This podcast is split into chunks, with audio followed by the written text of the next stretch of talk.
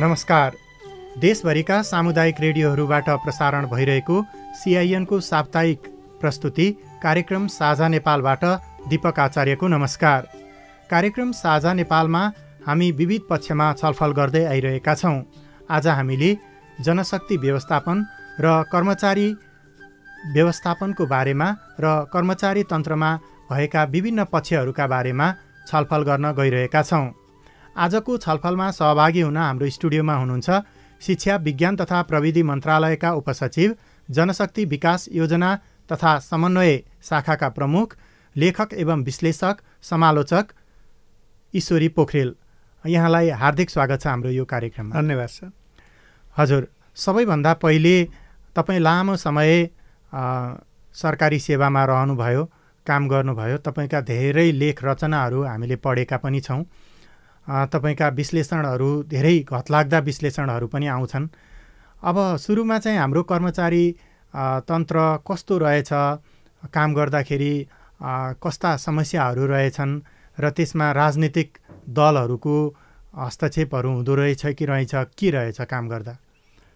कर्मचारीभित्र सुरुमा प्रवेश गर्दाखेरि जुन उत्साह उमङ्गता हुन्छ त्यसलाई निरन्तरता दिनको लागि अध्यावधिक तालिम प्रशिक्षण र उनीहरूको सही तरिकाको मेन्टोरिङ कोचिङ र त्यो सुपरभिजन गरेर उनीहरूलाई पुरस्कृत गर्ने र कमी कमजोरी रह्यो भनेपछि अलिकति तिनलाई कहाँनिर कमी कमजोरी छ त्यसमा सपोर्ट गर्दै सपोर्ट गर्दै लैजानु पर्ने रहेछ तर हाम्रो कर्मचारी तन्त्र कस्तो रहेछ भने एकपल्ट पास गर्दाखेरि पढेपछि सकियो होइन?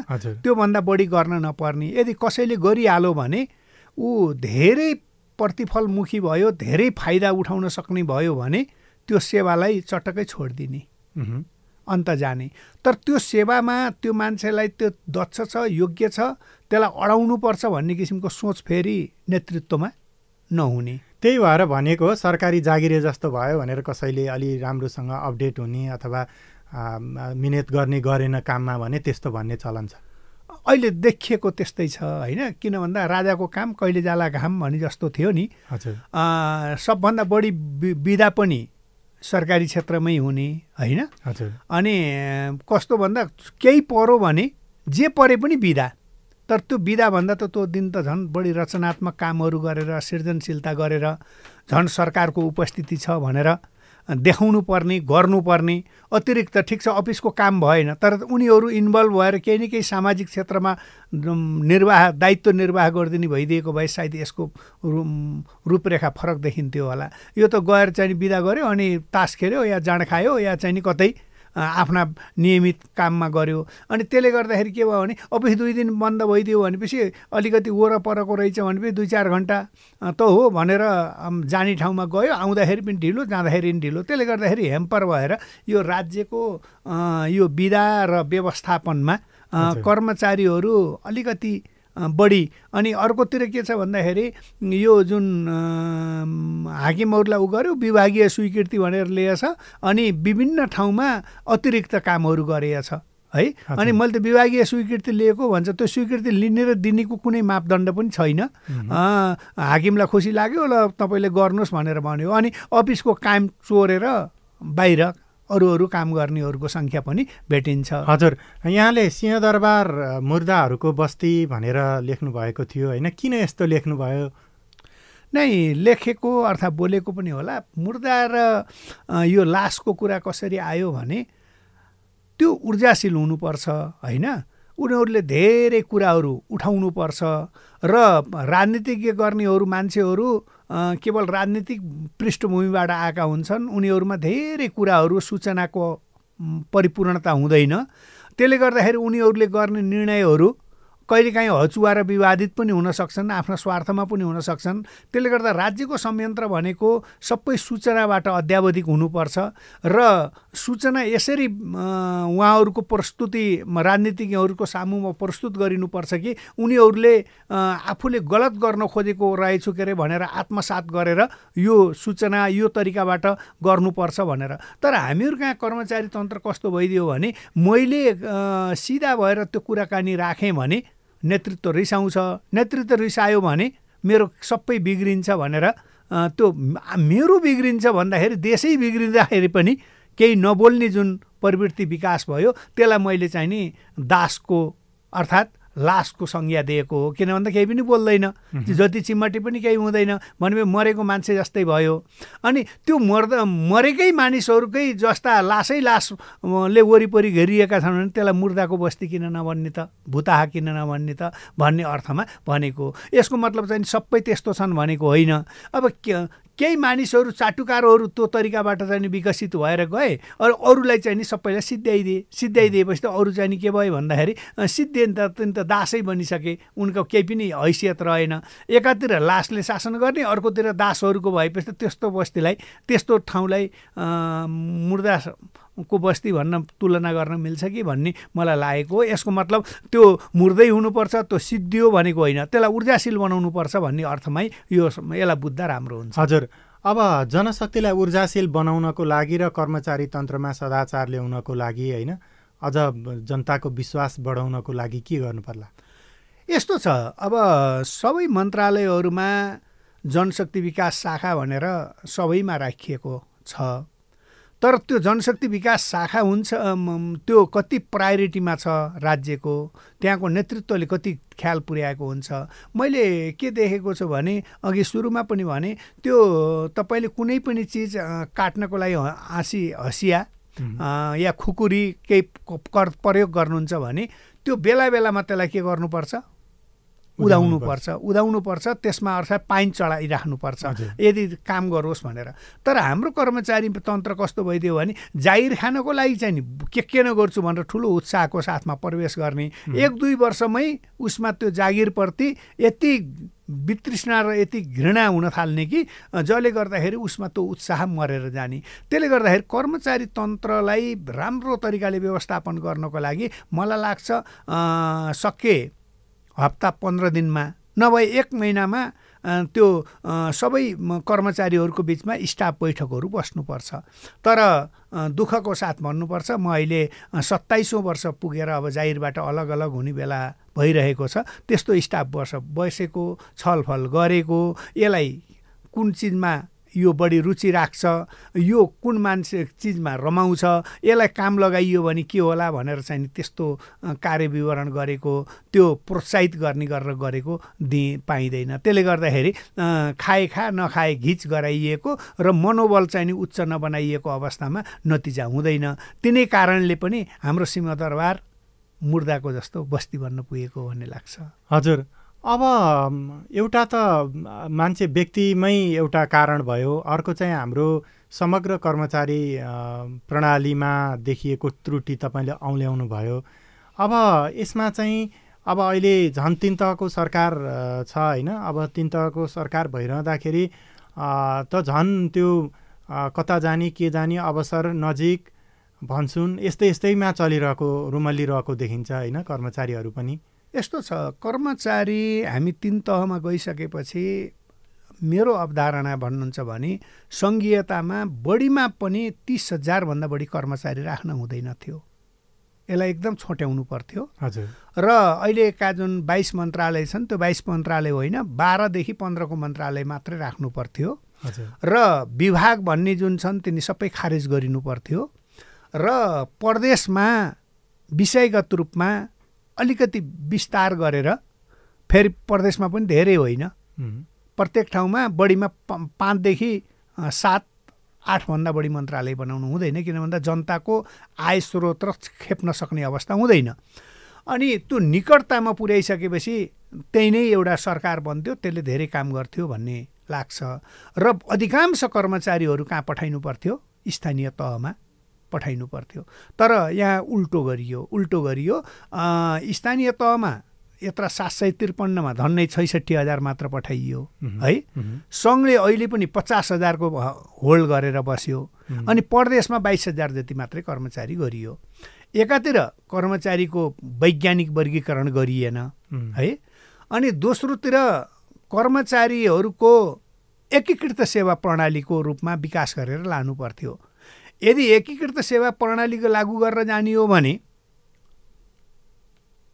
बहुसिप युक्त कर्मचारीको आवश्यकता हुन्छ। किन भन्दा हामी धेरै त्यो कामको प्रकृति अनुसारका धेरै कर्मचारी राख्न सकिँदैन। अब टेक्निकल भनेर डक्टरको ठाउँमा त अब अर्कोले सुई लगाउने कुरो भएन। होइन? भेटनरी होला या ऊ होला त्यो विशेषज्ञताको कुरा।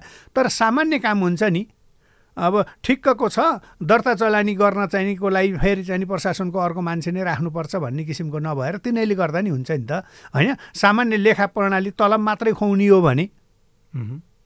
आएको तलब खुवाउने महिना महिना तलब खुवाउने र राख्ने हो भने त्यसको लागि लेखाको कर्मचारी छुट्टै राख्नुपर्छ भन्ने किसिममा नगएको भए पनि खर्म अलिकति त्यसलाई खर्च घटाउँदै धेरै कार्यालयहरूलाई मिनिमाइज गर्न सकिन्थ्यो होला।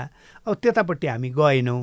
नगएर के गऱ्यौँ भनेपछि वर्गीकृत गरेर कृषिको छुट्टै शिक्षाको छुट्टै उसको छुट्टै उसको छुट्टै विषयगत त चाहियो तर विषयगतभन्दा बढी कर्मचारी के राखियो भने साधारण प्रकृतिका राखिए तपाईँको हेर्नुभयो भने सडसट्ठी अठसट्ठी प्रतिशत कर्मचारीहरू साधारण शिक्षा पढेका जसको बा जसलाई कुनै विषयमा दक्षता छैन।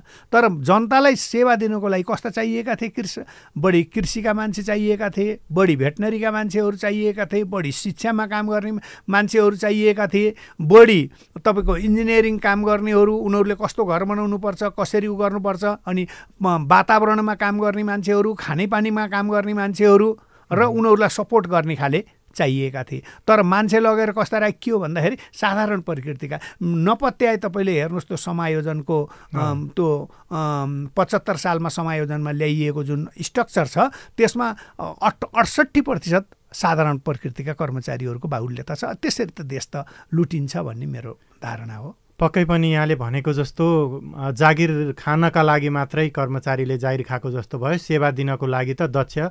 सिपयुक्त जनशक्ति आवश्यक पर्थ्यो। र त्यसले गर्दाखेरि नै अहिलेसम्म नेपालको कर्मचारी तन्त्रबाट भनेको जस्तो परिणाम आएको छैन। राजनीतिक दलहरूले चाहिँ कर्मचारी तन्त्रले गर्दा काम गर्न पाएनौँ भन्छन्। अनि कर्मचारीहरूले चाहिँ राजनीतिक दलको हस्तक्षेप भयो भन्ने छ नि। यसलाई चाहिँ तपाईँले कसरी यस्तो छ। यो दुइटै कुरा सत्य हो। कर्मचारीले राजनीतिज्ञले सहयोग गरेन भन्छ। अनि राजनीतिज्ञहरूले कर्मचारीले सहयोग गरेन। गर्छ किन? म भए पनि गर्दैन नि त अर्काले पनि गर्दैन। किन भन्दा हामीले ट्रेड युनियनवाद ल्यायौँ पार्टी पिच्छेका ट्रेड युनियन भ्रातृ सङ्गठन। अनि काङ्ग्रेसको मान्छेले जमाएको ठाउँमा चाहिँ नि माओवादी मा एमालेको मान्छे आयो भने त उसले त खुट्टा मात्रै तान्ने सघाएको त छैन। र एमालेका चाहिँ नि वर्चस्वमा एमालेका नेतृत्वमा हुँदा अर्थात् काङ्ग्रेसको मान्छे नेतृत्वमा त एमालेकोले त सघाउँदैन। त्यसले गर्दा हामी पहिला कर्मचारी बनायौँ कि ट्रेड युनियनवाला मान्छे बनायौँ त्यसको निक्रोल गर्नु पऱ्यो त्यो त्योबाट झिकौँ त्यस पछाडि बल्ल कर्मचारीको गरौँ सहयोग गरे कि असहयोग गरे। अनि तपाईँले पठाएकै त्यहीँ गरेको सिकाएकै त्यहीँ गरेर पठाएको भनेपछि गुणस्तर कहाँ खोज्नुहुन्छ? त्यसले गर्दा ट्रेड युनियन खारेज गर्नुपर्छ। पहिलो पहिलो काम यदि त्यस्तो खोजेको हो भने आरोप लगाउन छोड्ने हो भने पहिलो काम ट्रेड युनियन खारेज गर्नु अलिकति यो भ्रष्टाचार र अनियमितता पनि ट्रेड युनियनसँग गाँसिएको छ। त्यसकै आधारमा चाहिँ निर्धक्कले भ्रष्टाचार भइरहेको छ कर्मचारीबाट भनिन्छ। यो चाहिँ कतिको सत्य हो?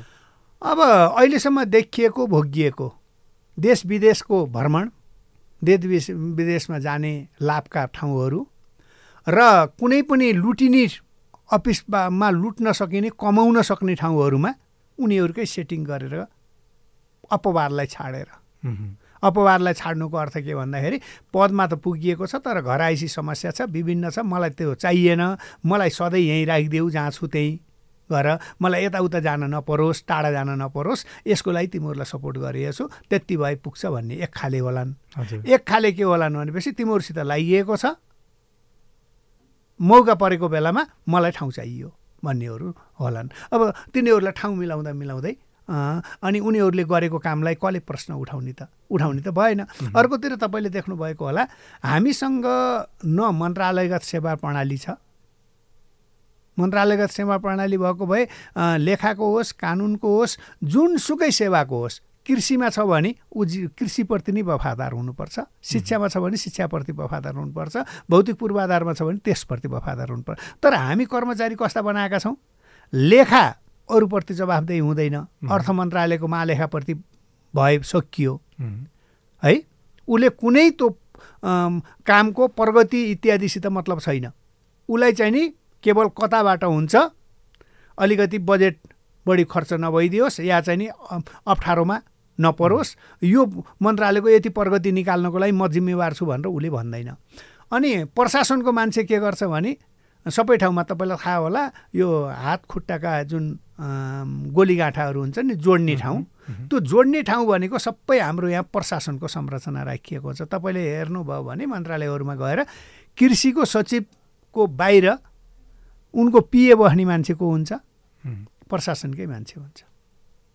भौतिक पूर्वाधारमा जानु इन्जिनियरकोमा को बसे हुन्छ त्यही नै बसे हुन्छ। लेखा स्टोर र बस्ने पिएहरू समेत सबै प्रशासनका हुन्छन्। है? अनि अर्कोतिर के हुन्छ भनेपछि प्रशासन नैकै महाशाखा हुन्छ फेरि। अनि सरुवा बडुवा कसलाई कहाँ हाल्ने के गर्ने भन्ने उसले गर्छ। अनि मन्त्रालयसित प्रगति खोजिन्छ। थुक्क मेरो देश हामी त हामी त व्यवस्थापक होइनौँ। हामी त लुटेराहरू हौँ।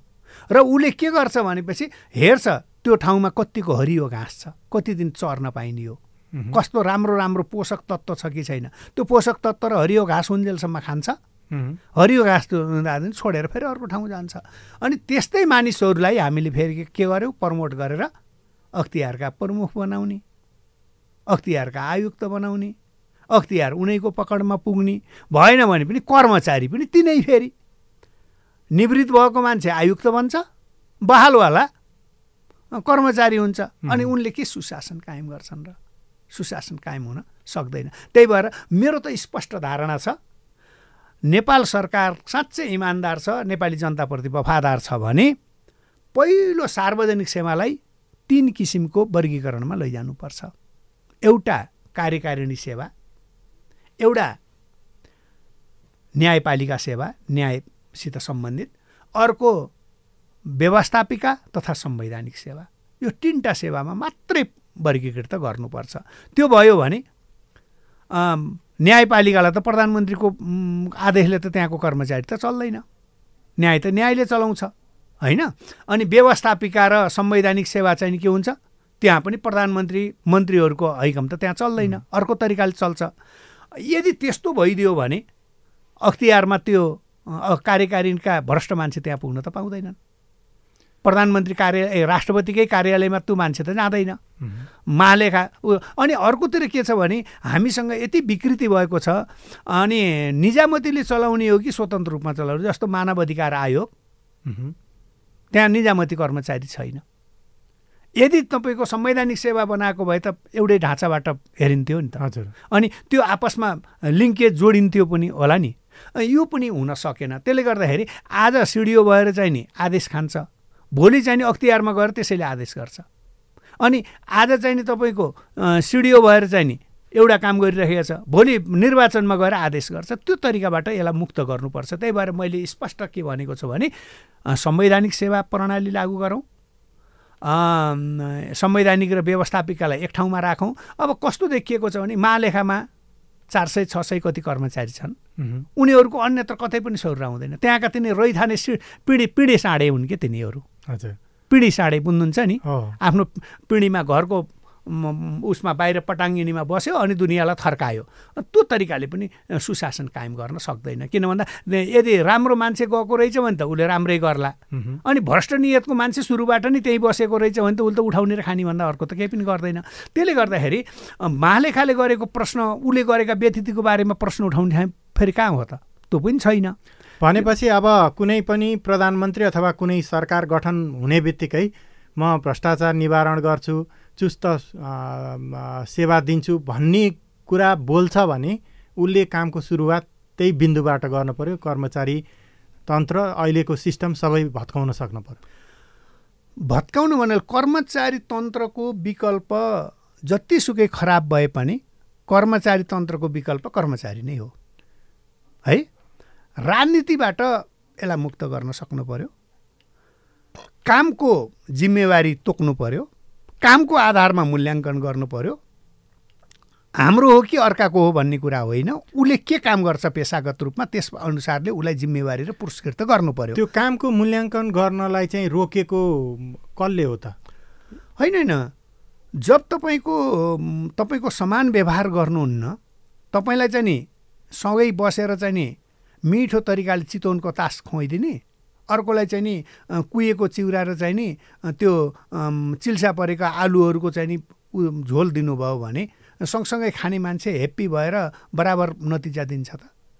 दिँदैन। नि। अब तपाईँलाई अहिले गएर हेर्नुहोस् कतिपय ठाउँमा हाम्रो कानुन संशोधन नभएको अवस्थामा सहसचिवभन्दा तलको मान्छेले गाडी लिएर हिँड्न पाउँदैन। विभागीय प्रमुख र कार्यालय प्रमुख भएको अवस्था बाहेक अहिले तपाईँको पावर भएका मान्छेहरू नासुले पनि गाडी लिएर हिँडेको देख्छु मैले। अधिकृतले लिएर हिँडेर यो जस्तो देश हाम्रो न विद्युतबाट चल्छ न के गर्छ?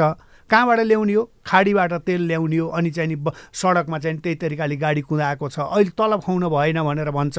फेरि पनि त्यही तरिकाको ऊ भइरहेको छ। यो देश तपाईँको कोही पनि जिम्मेवार बनेनन्। त्यसले गर्दा मेरो विचारमा त यो सबै चिजलाई रोक्नको लागि यदि तपाईँलाई गाडी नै सुविधा दिने हो भने कुन लेभलसम्मकाले गाडी पाउँछ कुन लेभलसम्मकाले मोटरसाइकल पाउँछ त्यसको यकिन गरौँ। जागिरमा प्रवेश गर्दा आदिन कम्तीमा दस वर्ष खानै पर्ने दस वर्षभन्दा अगाडि नै जानु पऱ्यो भने त्यसले फिर्ता गर्नुपर्ने। नभए दस वर्षसम्म जागिर खान्छ भने ऊ उसले घरै लिएर गए पनि प्लेट सरकारी राखे नि गर अर्को कालीमेटिया गएर तरकारी ल्याएर गरे नि गरोस् श्रीमतीलाई मनोकामना घुमाउन लगे पनि लगोस् आपत्ति केही पनि नगरौँ त्यो तरिकाले देऊ निश्चित रूपमा उसले गाडी पाउँछ।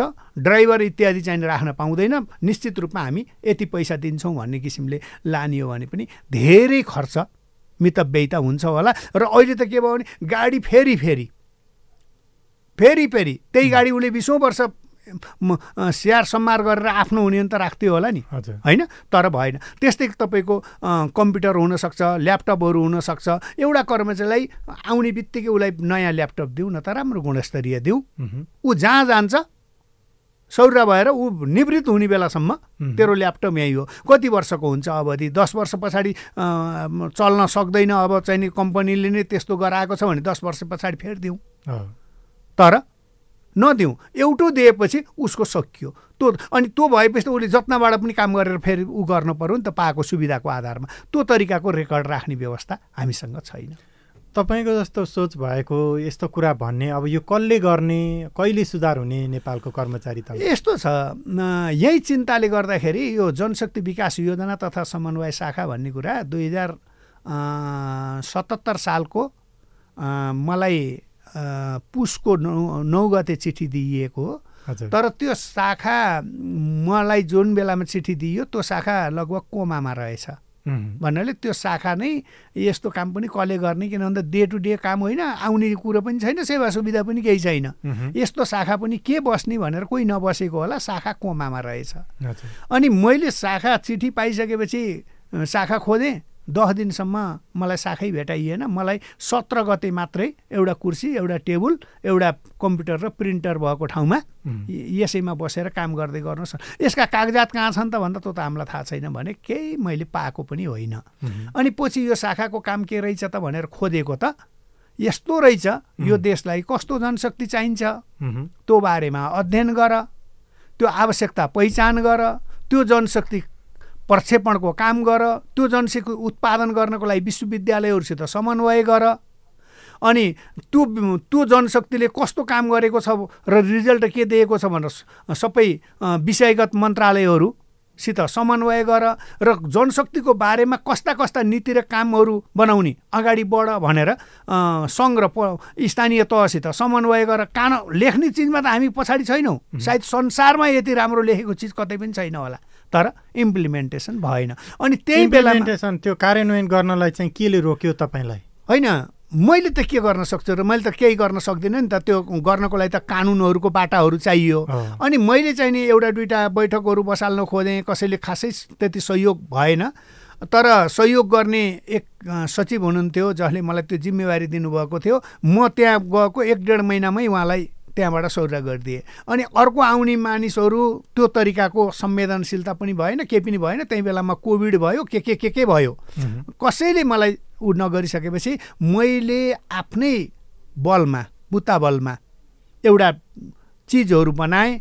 हाकिमलाई पनि सहसचिवलाई पनि सोधिनँ सचिवलाई पनि सोधिनँ भट्टाभट आफै मेलबाट पठाएर सबै युनिभर्सिटीहरू एघारवटा युनिभर्सिटी जुन फङ्सनमा छन् त्यो युनिभर्सिटीमा सत्र ए सत्ताइसवटा प्रश्नसहितका फारम पठाएँ। यो फारम भरेर पठाइदिनु होला भने। अनि केहीले पठाउनु भयो केहीले पठाउनु भएन मैले तोकेको अनि फोन गरेको छ गरेको छु बिहानै गरेको छु मलाई यो चाहियो भनेर। आठ आठवटा युनिभर्सिटीहरूले केही सामानहरू पठाउनु भयो केही सामग्री पठाउनु। अनि त्यो हेर्दै जाँदाखेरि त धर धरती आँखाबाट आँसु आउने किसिमका कुराहरू आए। अहिले तपाईँले भनेको जस्तो जनशक्ति उत्पादन हुने देखिएन त्यहाँ। होइन त्यो अझै हेर्दैछु। अनि त्यस पछाडि मैले सानो सानो त्रितालिस चालिस पृष्ठ जतिको केही चिजहरू बन्यो सबै प्रश्नहरू सबैले भर्नु भएको थिएन कसैले भर्नु भएको थियो कसैले भर्नु भएको थिएन। त्यही गरेर मैले एउटा डकुमेन्ट बनाएँ अनि माननीय शिक्षा मन्त्रीज्यू राज्य मन्त्रीज्यू सचिवज्यू अनि भनेर उहाँहरूलाई बोधार्थ दिएर तल माथि चाहिँ नि उहाँहरूलाई यो तपाईँहरूले बनाएर पठाएको चिज चाहिँ नि सत्य हो कि होइन? यो सार्वजनिक बाहिर गरियो भने तपाईँहरूलाई आपत्ति छ कि छैन? सत्यापन गर्नुहोस् भेरिफाई गर्नुहोस् भनेर सबै युनिभर्सिटीहरूलाई पठाइदिएँ। पठाइदिएपछि उहाँहरूलाई के लागेछ? ओहो यो त मन्त्री र सचिवको पनि इन्ट्रेस्टको रहेछ भनेर खाली भएकाले पनि फेरि भरेर सबै सत्ताइसै सत्ताइसका क्वेसनहरू भरेर आयो। आइसकेपछि मैले एउटा डकुमेन्ट बनाएको छु। एक सय नौ पृष्ठ कति जतिको छ जे होस् एउटा एक सय चौतिस कति पृष्ठ जतिको छ एउटा डकुमेन्ट त्यो बनेको छ। त्यसले हाम्रो देशको शिक्षाको चित्र कस्तो रहेछ भन्ने देखाउँछ। त्यसैको आधारमा एउटा। अर्को चाहिँ नि मैले साना साना बच्चादेखि लिएर कक्षा पाँचमा पढ्नेदेखि लिएर युनिभर्सिटीसम्म पढ्नेहरूको यो छात्रवृत्ति छात्रवृत्ति भन्छन्। स्कलरसिपमा पढिरहेको छ भन्छन्। यो बारेमा तिमीहरूको धारणा के छ बा? कस्तो हुनु पर्ला? भनेर एउटा फारम बनाएर देशभरि सर्कुलर गरेँ। कोही मेलबाट भरेर आए कोही ठाउँमा आफै पुगेर भराएँ विभिन्न किसिमका क्याटेगोराइज पनि त्यो छ सात किसिमका फारमहरू फरक फरक किसिमबाट भरेर मैले त्यसलाई सूचना लिएँ। त्यो सूचना लिँदाखेरि मैले तेह्र सय चौरासीजना कतिजनाको लिएको छु। त्यसले देखायो छात्रवृत्तिको अवस्था यति डरलाग्दो अवस्था तरिकाबाट दुरुपयोग भएको छ। यसलाई यदि व्यवस्थित गरिएन भने देश अझै अप्ठ्यारोमा पर्छ। यसलाई व्यवस्थित गर्नुपर्छ। यसको एकीकृत कानुन बन्नुपर्छ। एकीकृत द्वारबाट यो जानुपर्छ भन्ने किसिमको आएको छ। अनि अर्कोतिर हामी जम्मा चार सय रुपियाँ दिएर छात्रवृत्ति भनेर साना बच्चाहरूलाई वर्षभरि एक छाक खाना आउँदैन अहिले। अनि हात्तीको मुखमा जिरा हाले जस्तो गरेर अनि गरिबी निवारण र हामीले न्याय गरेका छौँ। यो त गणतन्त्र राज्यको लागि चाहिँ सुहाउँदो विषयवस्तु होइन। अनि यसको विकल्प के हुन्छ त भन्दाखेरि उनीहरू नै के भन्दा रहेछन् भने जात र लिङ्गको आधारमा दिँदै आएको छात्रवृत्तिलाई व्यवस्थित गरौँ हुने हुनेलाई नदेऊ विपन्नलाई अलि पुग्ने गरेर देऊ। कसरी पुग्ने हुनसक्छ त भन्दा वर्षको महिनाको एक हजार जति दिने हो भने वर्षको बाह्र हजारसम्म दिन सकिन्छ। त्यस्ता बच्चा कति हुन्छन् त भन्दाखेरि त्यही पैसाबाट जो चार सय सबैलाई बाँडेका छौँ नि त्यो नबाँड्ने एकदम हार्डकोर जसको आवश्यकता छ। बाबुआमाले एक पैसा नि कमाउँदैनन् या बाबुआमा भए पनि हुनु र नहुनुको सरोकार छैन। त्यस्ता बच्चाको जिम्मेवार राज्यले लिएर अलिकति गुणात्मक गरिदिने हो भने वर्षको बाह्र हजारदेखि चौबिस हजारसम्म पनि दिन सकिन्छ भन्ने किसिमको निचोड चाहिँ नि त्यो अध्ययनले पनि अलिअलि देखाएको छ। अर्कोतिर हामीले समग्र जनशक्तिको अवस्था के हो भनेर गर्दा गर्दा अहिले गएर हामीले तपाईँलाई खुसीको कुरा नेपाल सरकारले राष्ट्रिय जनशक्ति विकास नीति लगभग एउटा फर्मेटमा ढालेर अब सरकारको तहमा पुर्याउने गरेर गइएको छ। सायद त्यो नीति लागू भयो भने अहिले भएका विकृतिहरू कर्मचारी तन्त्रको अन्त्य हुन्छ। कर्मचारी मात्र तन्त्रको मात्रै होइन। हामी त्यसलाई बाटोमा बसेर मकै पोल्नेदेखि लिएर सबैलाई कसरी व्यवस्थित गर्ने उनीहरूको सिप गुण कसरी गर्ने उनीहरूलाई रोजगारको सुनिश्चितता कसरी गर्ने र त्यसको जिम्मेवार कसले बोक्ने र सबै औपचारिक अनौपचारिक तपाईँहरू पनि कुनै न कुनै ऐन कानुनबाट सम्बन्धित भएर बस्नुभएको छ तर भोलि भो निस्किँदाखेरि हातमा के आउने हो थाहा छैन। रित्तो हुन नि सक्छ नि। यस्तो सबैलाई चाहिँ नि एउटा कानुन बनाएर सामाजिक सुरक्षा कोषमा जस जसले अस्थायी होस् स्थायी होस् सबै दर्ता हुनुपर्छ त्यस्ता दर्ता भएर त्यहाँबाट चाहिँ उनीहरू जानुपर्छ भन्ने किसिमबाट अगाडि बढाउनुपर्छ र सामान्य सङ्गठित असङ्गठितदेखि लिएर सरकारी संरचनासम्मका ठुल्ठुला पदमा बस्नेहरूसम्मको लागि जनशक्तिको मापदण्ड मानकहरू निर्धारण गरिनुपर्छ। उसले कति काम गर्नुपर्छ भन्ने किसिमबाट नीति अगाडि बढाउनु खोजिएको छ। हस् यहाँलाई धेरै धेरै धन्यवाद छ। आज हामीले कर्मचारी व्यवस्थापन जनशक्ति व्यवस्थापन र यसको सुदृढीकरण र देखिएका समस्याहरूका बारेमा चर्चा परिचर्चा गऱ्यौँ। हामीसँग हाम्रो कार्यक्रममा हुनुहुन्थ्यो शिक्षा विज्ञान तथा प्रविधि मन्त्रालयका उपसचिव जनशक्ति विकास योजना तथा समन्वय शाखा प्रमुख लेखक एवं विश्लेषक समालोचक ईश्वरी पोखरेल। यहाँको अमूल्य समयको बावजुद पनि हाम्रो स्टुडियोमा आइदिनु भयो हाम्रा प्रश्न जिज्ञासाको जवाफ दिनुभयो। त्यसका लागि यहाँलाई धेरै धेरै धन्यवाद। धन्यवाद अवसरको लागि। अवस्था आजको लागि कार्यक्रम साझा नेपालको निर्धारित समय सकिसकेको छ। प्राविधिक कक्षबाट साथ दिनुहुने साथी सुनिल राज भारतलाई धन्यवाद दिँदै म दिपक आचार्य पनि अर्को साता यस्तै केही छलफल लिएर आउने प्रतिबद्धतासहित कार्यक्रम साझा नेपालबाट बिदा हुन्छु। नमस्कार।